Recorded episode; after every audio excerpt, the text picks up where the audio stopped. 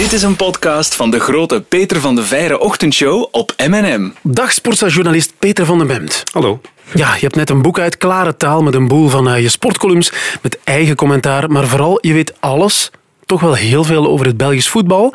Welkom bij 22 minuten stomme vragen. Hoe goed ben jij in stomme vragen?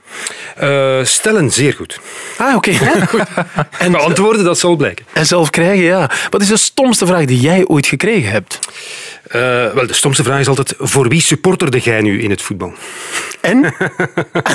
dus dan zeg ik ja, voor niemand natuurlijk, want dat mag niet. Dat mag niet. En ik vroeg er altijd aan toe: ik ben natuurlijk uit de buurt van Leuven. Subtiel. Ja. Dit is 22 minuten stomme vragen over voetbal met Peter van den Bemt. Als de 22 minuten voorbij zijn, stoppen de vragen. Oké, Peter, eerst even de klok starten. Stomme vraag, maar die gouden generatie van onze Rode Duivels, is dat nu op? Uh, nog niet helemaal, maar laten we zeggen dat het uh, een beetje verbleekt is. Dus het heeft een uh, oppoetsbeurt nodig met nieuwe jonge talenten, die we zeker hebben, om het goud weer wat meer te laten blinken. Dus oh. laten we zeggen, het hoogtepunt van die gouden generatie lag toch in 2018. Wat mm. mij betreft is dat de gemiste kans om ja, wereldkampioen te worden. Dat had toen gekund. Maar blijven er wel mooie vooruitzichten? Zijn die jonge talenten er? Ja, zeker. Maar of die van hetzelfde niveau gaan zijn als wat we gehad hebben, dat is wat anders natuurlijk. Want het ja. is toch zeer uitzonderlijk dat een klein land als België, ja, ik, ik zeg altijd toch vijf absolute wereldtoppers heeft gehad. En wat, wat nu komt is, is ook nog echt goed. Er zijn ook echt heel goede spelers bij, maar het zal nog moeten blijken of die dat niveau halen van, van ik zeg maar wat, Courtois, Compagnie, De Bruyne, de beste Hazard, dat, uh, dat valt nog te bezien. Maar dat we weer gaan afglijden naar waar we, laten we zeggen, tien jaar geleden stonden, zo nummer 76 op de wereld, dat gaat niet meer gebeuren. Nou, Daarop volgt misschien nog, want je zegt dat Nederland de wereldkampioen kan worden in Qatar. Hoe schat je onze kansen in? Uh, wel, ik moet eerlijk zeggen, uh, ik geloof daar niet in. Nee? maar ik geloof er ook al niet meer in het voorbije Europees kampioenschap. Dus uh, ik vrees dat mijn voorspelling is, is zelfs, uitgekomen. Zelfs toen niet bij Nee, nee, toen ah. al niet meer, nee, eerlijk gezegd. Omdat ja, wij, wij missen toch altijd op een bepaald moment ehm, in opeenvolgende wedstrijden ja, de verbetenheid, de overgave die de Italianen bijvoorbeeld hadden, die de Fransen hadden in 2018, om de ploeg door moeilijke momenten te sleuren. We kunnen dat wel een keer, zoals tegen Brazilië, geweldige wedstrijd, en zoals tegen, tegen Portugal. Mhm. Maar dan de volgende keer is dat blijkbaar dan toch net iets uh, te moeilijk. Dus laten we zeggen dat uh, wat we gehad hebben is dan toch uh, overdue, de meeste, Mhm. volgend jaar. En, en wat er aankomt is denk ik nog niet helemaal klaar. Hè. jongens zoals, zoals de ketelaren die eraan komen, misschien Verscharen, een paar andere. ja, dat zal toch voor iets later zijn, denk ik. Ja. Stel dat je zelf bondscoach zou zijn voor dat EK, hoe zou jij het aanpakken? WK, sorry voor het WK. Ja, uh, uh, niet noodzakelijk op een heel andere manier. Mm -hmm. uh, ik vind altijd, en ik heb dat vaak gezegd, dat de grote fout was van het voorbije Europees kampioenschap dat België zichzelf een beetje heeft verlogen door te willen voetballen zoals de Portugezen en de Fransen, namelijk lelijk proberen winnen. Mm -hmm. Terwijl we in, in Rusland waren wij de chouchou van de wereld. Hè? Mm -hmm. Uh, dus iedereen sprak mij aan, journalisten van over de hele wereld, over dat fantastische Belgische elftal. Dat, dat, dat was zoals Nederland vroeger, hè, waar wij genoten van Nederland. En die wonnen ook meestal niet. Mhm. Maar die kwamen wel terug als uh, de champions of the heart, heb ik ons Mhm. altijd Ja. genoemd. En, en dat was uh, niet het geval op het voorbije Europees kampioenschap. Dus we hebben daar niets getoond en ook niet gewonnen. Was dat dan te beredeneerd? Ja, dat vond ik. Ja, dat vond Ja. ik. En, en, en ja, dus ze waren gefrustreerd omdat de Fransen zo eh, wereldkampioen waren geworden. Ja. Juist. Die, Oh. op die cynische Ja. manier. Dat pikt nog altijd. Was- Ja, en, ehm, maar goed, dat zal dan toch niet in onze, in onze natuur zitten. Dat was bij wijze van spreken oud-Belgisch en ik zou dat niet gedaan hebben. Een goede lijst dan. Het hele verhaal van de voetbalmakelaar moeten we toch even over hebben. Propere handen. Dat is nu helemaal uitgespit. Ehm, ja, wat is het volgende? Hoe gaat dat nu verder? Ja, wachten wie wordt eh, doorverwezen door het parket, want er zijn heel veel namen genoemd. En het eh, parket heeft het voorbij, eh, de voorbij drie jaar moeten uitzoeken voor wie hebben we bewijzen die hard genoeg zijn om hard te maken wat Velkovic beweert en voor wie niet. En dus ze schrijven, en ze hebben er heel veel tijd voor nodig, vind ik eerlijk Ja. gezegd, aan een soort eindvordering. En daar zal bepaald worden wie wordt doorverwezen, wie voor wie er een proces zal volgen voor de rechtbank en voor wie niet. En dan zullen we zien hoe de rechter erover oordeelt en wie hij veroordeelt en wie niet. Ja, want de namen zijn genoemd. Alles is uitgekuist, zeg maar. Hoe zuiver is dat voetbal nu? Wel, uh, uh, ik ben al wat op leeftijd, maar af en toe wil ik toch graag naïef zijn. En ik, ik heb veel contacten met, met mensen uit het voetbal. Er zijn ook heel veel nieuwe mensen in het voetbal gekomen. En ik, uh, ik geloof dat zij het goed menen. Ze hebben nu wel beseft dat het zo niet verder kon. Ik, wat mij betreft is een voor en na 2018. Mm -hmm. waarbij ja, wat er voor is gebeurd of hoe het eraan toe ging, dat weet iedereen. Ondertussen zijn er ook heel veel dingen ingevoerd. Er is een clearinghouse dat de contracten nakijkt. het Belgisch voetbal, de clubs en, en ook de makelaars zijn, zijn onderworpen aan de anti-witwaswet, zoals dat heet. Mm -hmm. Dus daar staan zware straffen op als je deals doet, zoals de banken hè, bijvoorbeeld, mm -hmm. met, met uh, niet bona fide klanten, als ik dat zo mag noemen. Dus er zijn een heleboel mechanismen die het voetbal in elk geval transparanter maken en er meer controle op hebben. En het voetbal beseft zeer goed dat het uh, dringend aan zijn imago moet werken, dat het transparanter moet worden, in zijn relatie ook met de politiek, al die voordelen die ze hebben, hè, sociale zekerheid, is ook heel ja. veel over te doen geweest. Mm. Dus het uh, voetbal kan zich niet permitteren om uh, zijn oude zelf te zijn. Dus daarom denk ik, en er is nog veel werk, maar dat het wat dat betreft de goede kant uitgaat. Maar evengoed sta ik hier over tien jaar weer, nadat de nieuwe makelaar uh, alles uit de doeken heeft gedaan en dan zal ik ootmoedig bekennen dat ik dan toch naïef ben geweest. Het is misschien nog een stomme vraag, maar is er niet eigenlijk gewoon te veel geld in het voetbal? Uiteraard. Uiteraard, veel te veel geld. Uh, ik verbaas mij altijd over de bedragen die worden betaald, over de lonen die worden verdiend. Maar goed, dat is evengoed een, een marktmechanisme. Hè. Dat is uh, vraag en aanbod. Hè. Iemand uh, vraagt het en iemand betaalt het. En, en dat is natuurlijk de voorbije, laten we zeggen, ja, twintig jaar misschien, exponentieel gestegen. En elke keer denken wij als er een transferbedrag wordt betaald, hallucinant. Mm. Nu zitten we aan de top, hè, de 200 miljoen, 300 miljoen. Maar ik herinner mij lang geleden, toen ik pas begon ergens eind jaren 90, uh, werd, uh, deed Kevin Keegan, de manager van Newcastle, mm -hmm. een transfer. Hij kocht Alan Shearer, een spits. En ik ben het bedrag kwijt, maar ik denk dat het uh, 100 miljoen was. Op Belgische frank. Belgische frank. en wij dachten, de wereld is zot geworden. Ja. Dus kijk hoeveel, ik ga even een stomme vraag stellen. 2,5 miljoen euro. 2,5 miljoen euro. Dat is toch ook al veel geld? Dat is toch ook al heel Dat is veel geld. Maar, ja, maar toen, was, toen, was, toen, was dat, toen, toen moest hij dat mm -hmm. uitleggen. Ik, ik, ik interviewde ja. hem hier in een hotel in Brussel toen, mm -hmm. toevallig omdat ze, ze kwamen een wedstrijd spelen. Kevin Keegan. En dus, ja, dus ik was verontwaardigd over dat soort uh, hallucinant hoge bedragen. Hoe legde hij dat uit? Maar met dezelfde manier. Ja. Quality has its price. En zo wordt alles duurder. Ja, zo is het. Ja, ja. ja nog over dat, over dat veel geld in die operatie Proper Handen. Er was die trainer die 2,3 miljoen, denk ik, aan zwart geld ontvangen zou hebben. Ja. Wat doet die man daarmee in godsnaam? Ik vraag mij dat ook altijd af. dat is... ik vraag mij dat ook altijd af. Ik probeer me daar een voorstelling van te maken. Velkovic heeft verteld over uh, ontmoetingen in, uh, in een bureel of in de lobby, niet in de lobby, maar in een achterkamertje van een hotel, waar dan 400.000 euro in biljetten van 500, neem ik aan, dan, bij elkaar ligt. Dus ik probeer me daar een voorstelling van te maken. Dat wordt in een zak gestopt en je neemt het mee naar huis. dus ja, ik weet ook niet wat je daar precies mee kan doen. Nu, uh, uh, langer geleden kon je nog uh, dingen kopen mm-hmm. met zwart geld. Dus je kocht er een auto mee. Ja. Of misschien een villa in Marbella in dit specifieke geval. Maar ondertussen zijn ook die dingen, wat ik zeg, de banken zijn ook onderworpen aan allerlei controlemechanismen. Dus je kan niet naar de banken en zeggen, ik kom een storting doen, het is 300.000 euro. Kan ja. je die eens op mijn spaarrekening zetten? En slechte dus ik weet het niet. In mijn slechte brein dacht ik van, ga de horeca in, dan kan je dat dan op die manier ook weer wit wassen. Ah, maar ja. daar zitten intussen ook witte kassas. Dus dat kan ook al niet meer. Nu, er zijn wel, heb ik, heb ik, mij eens uit, ik heb mij eens laten uitleggen, want ik heb die vraag eens gesteld aan een trainer die vaak actief was in de zandbak, zoals dat heet. Mm-hmm. en daar, de zandbak? Ja, dus in het Verre Oosten, waar, ah, okay, ze, ook, okay. waar ze ook cash uitbetalen. Ja. En waar hij dan zei, ja, dan kwam ik met twee plastic zakken waar dan ook vele uh, tien of honderdduizenden euro's in zaten. Mm-hmm. En ja, er zijn dan toch blijkbaar mechanismen waarbij je dat dan transporteert naar het buitenland en dan houdt daar iemand die daarin bekwaam is, een soort commissie af of zo. Mm-hmm. 10% en dan komt dat in een andere kleur weer terug. 10%? Maar uh, ik heb mij het nog nooit moeten afvragen wat ik ermee moest doen. En gelukkig houden ze ook. Nu, al onze goede spelers die vertrekken dan naar het buitenland, ondanks alle voordelen die er ook geweest zijn, ondanks de hoge lonen, noem maar op. Um, hoe kunnen we ze houden? Uh, niet. Uh, België is wat dat betreft toch een opleidingscompetitie. Dat is op zich niet zo erg. Als je een paar jaar kan genieten van, van jonge talenten en, en dat ze daarna doorgroeien naar een betere competitie, ja, daar wordt ook ons voetbal, onze nationale ploeg, beter van. Oké. Okay. Mm-hmm. Dus, dus het enige jammer is, en dat gebeurt ook te vaak, dat ze al op, op 15 of 16 jaar vertrekken, 17 jaar, mm-hmm. en dat wij ze hier bij ons nooit hebben zien spelen. Dat is een beetje jammer. Uh, Ja. Dat is de voorbije jaren minder geweest. Hè. Lukaku heeft hier bij ons gespeeld. Company heeft hier bij ons eh, gespeeld. De Bruyne, Courtois, noem maar op.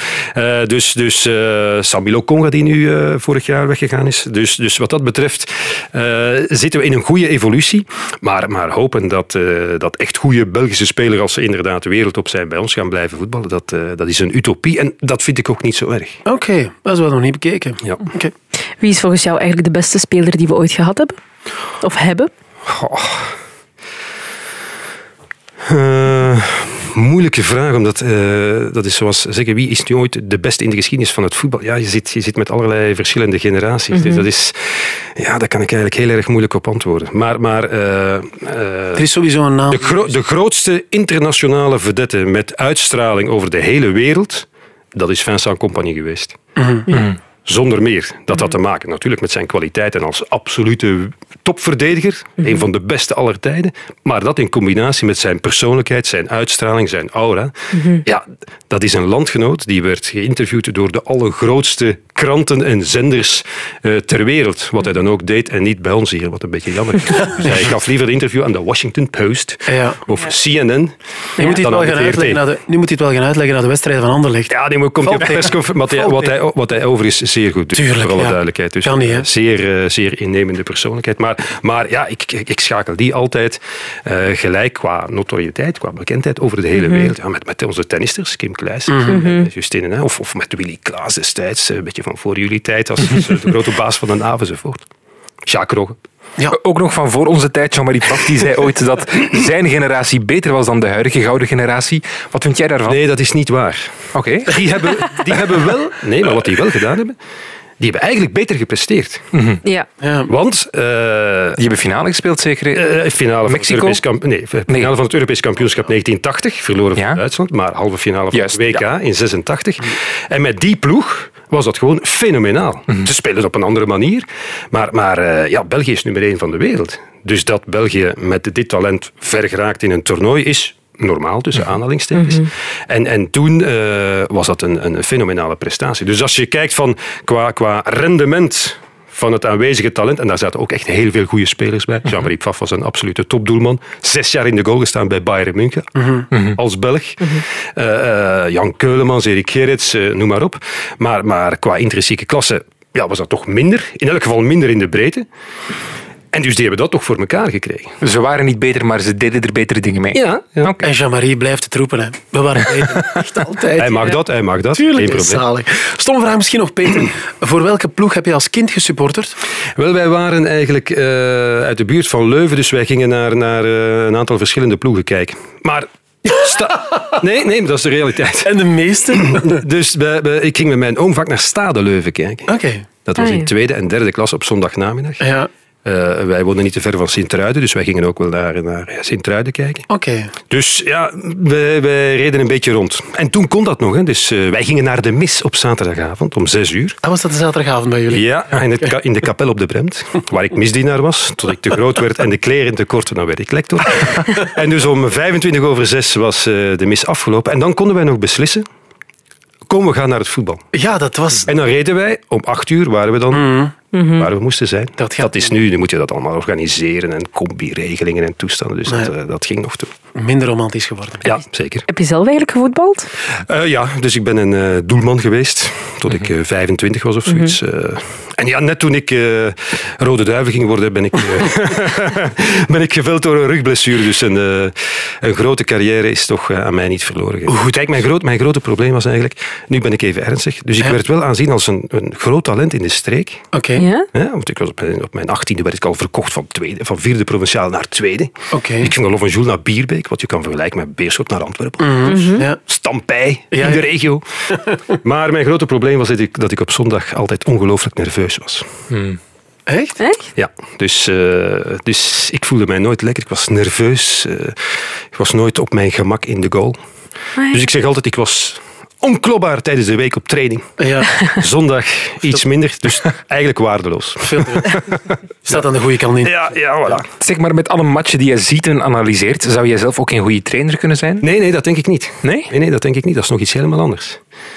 Nee, nee. Dus ik, ik uh, hoed er mij altijd voor, en ik zeg dat vaak aan de mensen van de VRT en anderen, maar dat wordt vergeten, om mij niet echt analist te noemen. Ik vind analist, dat is een titel die weggelegd is voor ex-voetballers of trainers. Mhm. En ik ben een journalist eigenlijk. Een journalist en een commentator, noem het zoals je wil. En ik weet dat is maar een, een semantische discussie. Mhm. Maar, maar uh, als ik praat met, met, met Gert Vrij bijvoorbeeld, met Wim de Koning, met Eddie Snellers, wel... Uh, die mensen kennen toch nog wel wat meer van voetbal dan ik. Mm -hmm. omdat ze het zelf gespeeld hebben, omdat ze in een kleedkamer hebben gezeten, omdat ze veel meer met tactiek zijn bezig geweest. Dus wat dat betreft, nee, ik zou, nee, ik zou, ik zou ik, ken gewoon te weinig van voetbal om een trainer te zijn. Mm. Wat niet wil zeggen dat ik wel kan kijken naar het werk van een trainer en denken, ja, dat is toch niet zo goed gedaan. Dat is mhm. dan weer wat anders. Ik maak altijd de vergelijking, ik steel ze nu even van een collega. Het is niet omdat ik niet kan koken, dat ik niet kan zeggen of het eten lekker is. Oké. Ah. We nemen het mee. Een klein beetje een karikatuur, maar helemaal onjuist is het. Klopt wel. Stomme vraag misschien, maar welk land brengt de mooiste supporters mee naar het voetbal? Ehm, ik geniet altijd wel van Nederland. Ja, je hebt dat gezegd. Mhm. ik geniet wel van Nederland. Dus die, uh, ik was erbij op het EK 2008 in, in, in Zwitserland was dat. In Bern en Basel. En dan keek, kreeg je luchtbeelden en al die straten kleurden oranje. Mm het is ook altijd gemoedelijk.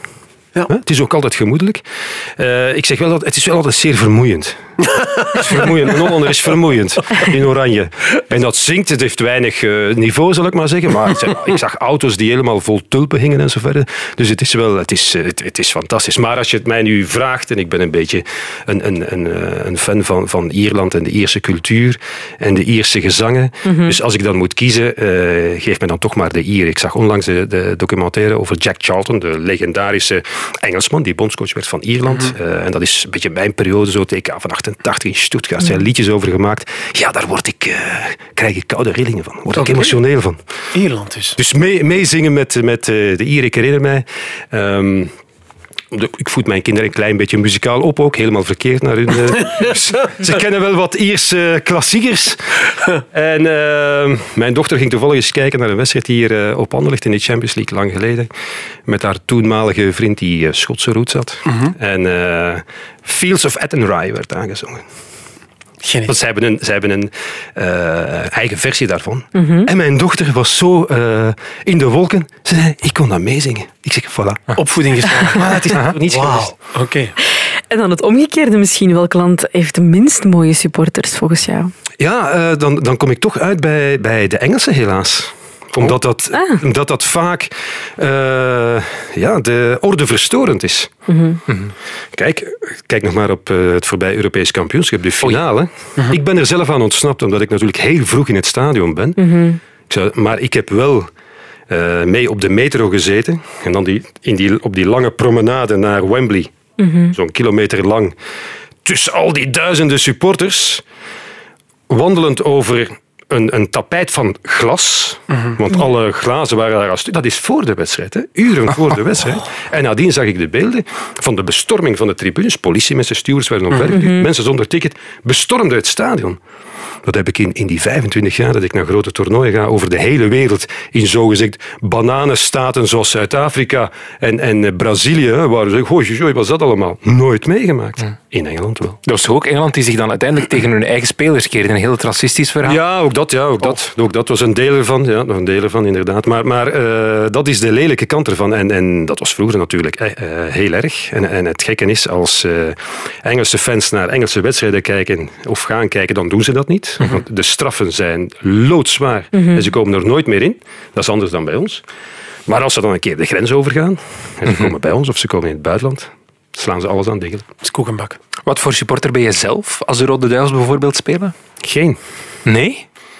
Ik probeer het altijd uit te leggen aan de mensen en ze begrijpen dat niet. Kijk, uh, ik ben een commentator. Mm -hmm. En uh, als de Belgen spelen, of, of een Belgische ploeg Europees, dan ben ik enthousiast en ik leef mee. En ik heb, uh, ik heb liever dat ze het goed doen, want ik heb dus tien jaar achter die Belgen aangelopen. Toen ze gingen verliezen in Azerbeidzjan en Armenië. En ik zeg altijd, als ik dan een supporter zou zijn geweest mm -hmm. die euforisch was bij winst en depressief bij nederlaag, ja, dan zat ik in een instelling. dus je moet wel een beetje afstand kunnen houden. Uh -huh. Dus met andere woorden, uh, als de Belgen zich plaatsen tegen Brazilië, dan dans ik niet op de tribune, wat ik collega's van mij heb zien doen, is zichzelf filmen dansen. Maar ieder, ieder zijn beleving. Maar als ze worden uitgeschakeld, dan condoleren mensen mij en vragen hoe het met mij gaat. Maar dan zeg ik, ja, dan ga ik over tot de orde van... Zo werkt het, hè. Ja, Ja. maar nog eens, ik vind het natuurlijk wel leuker nu dan die tien jaar geleden. En, en eh, ja, ik, eh, ik zou zeggen, het, het zou mijn ultieme eh, voldoening zijn als ik commentaar kan geven bij de finale van het wereldkampioenschap met de Belgen die winnen en de wereldbeker in de lucht steken. Dan zal ik wel geëmotioneerd zijn, dat is alweer wat anders. Maar Er is een verhaal dat gaat... ehm, Rick de Saadleer, een van jouw voorgangers, zeg maar, een jaren tachtig zeer bekend commentator, die was super enthousiast en die zou ook geconsulteerd zijn door trainers van de nationale ploeg om te vragen van, wat moeten we doen?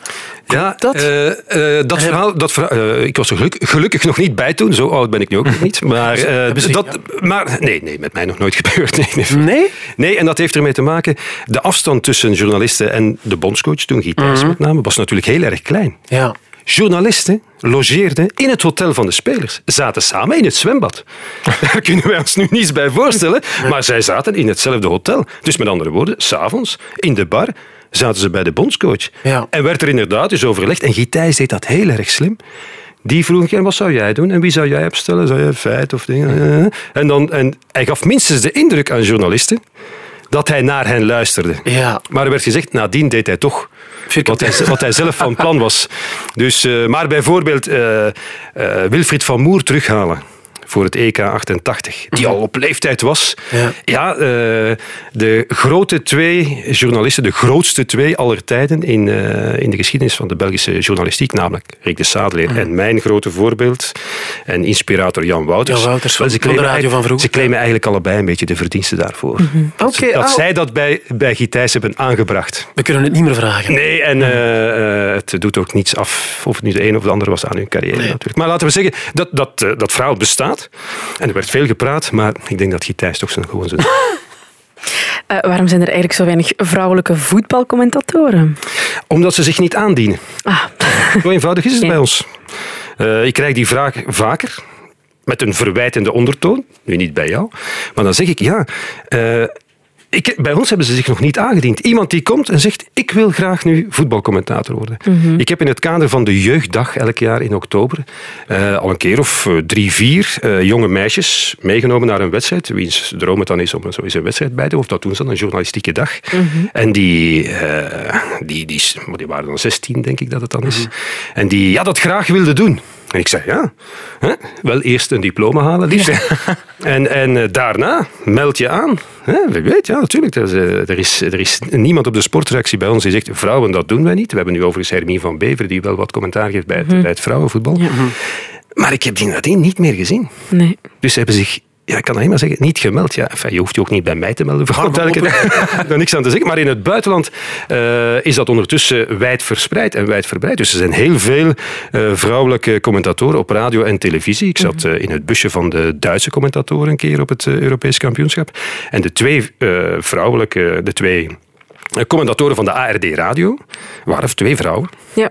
in Noorwegen. Ja, fijn in Scandinavisch land, zeg nu Noorwegen. Eh, de finale van het EK.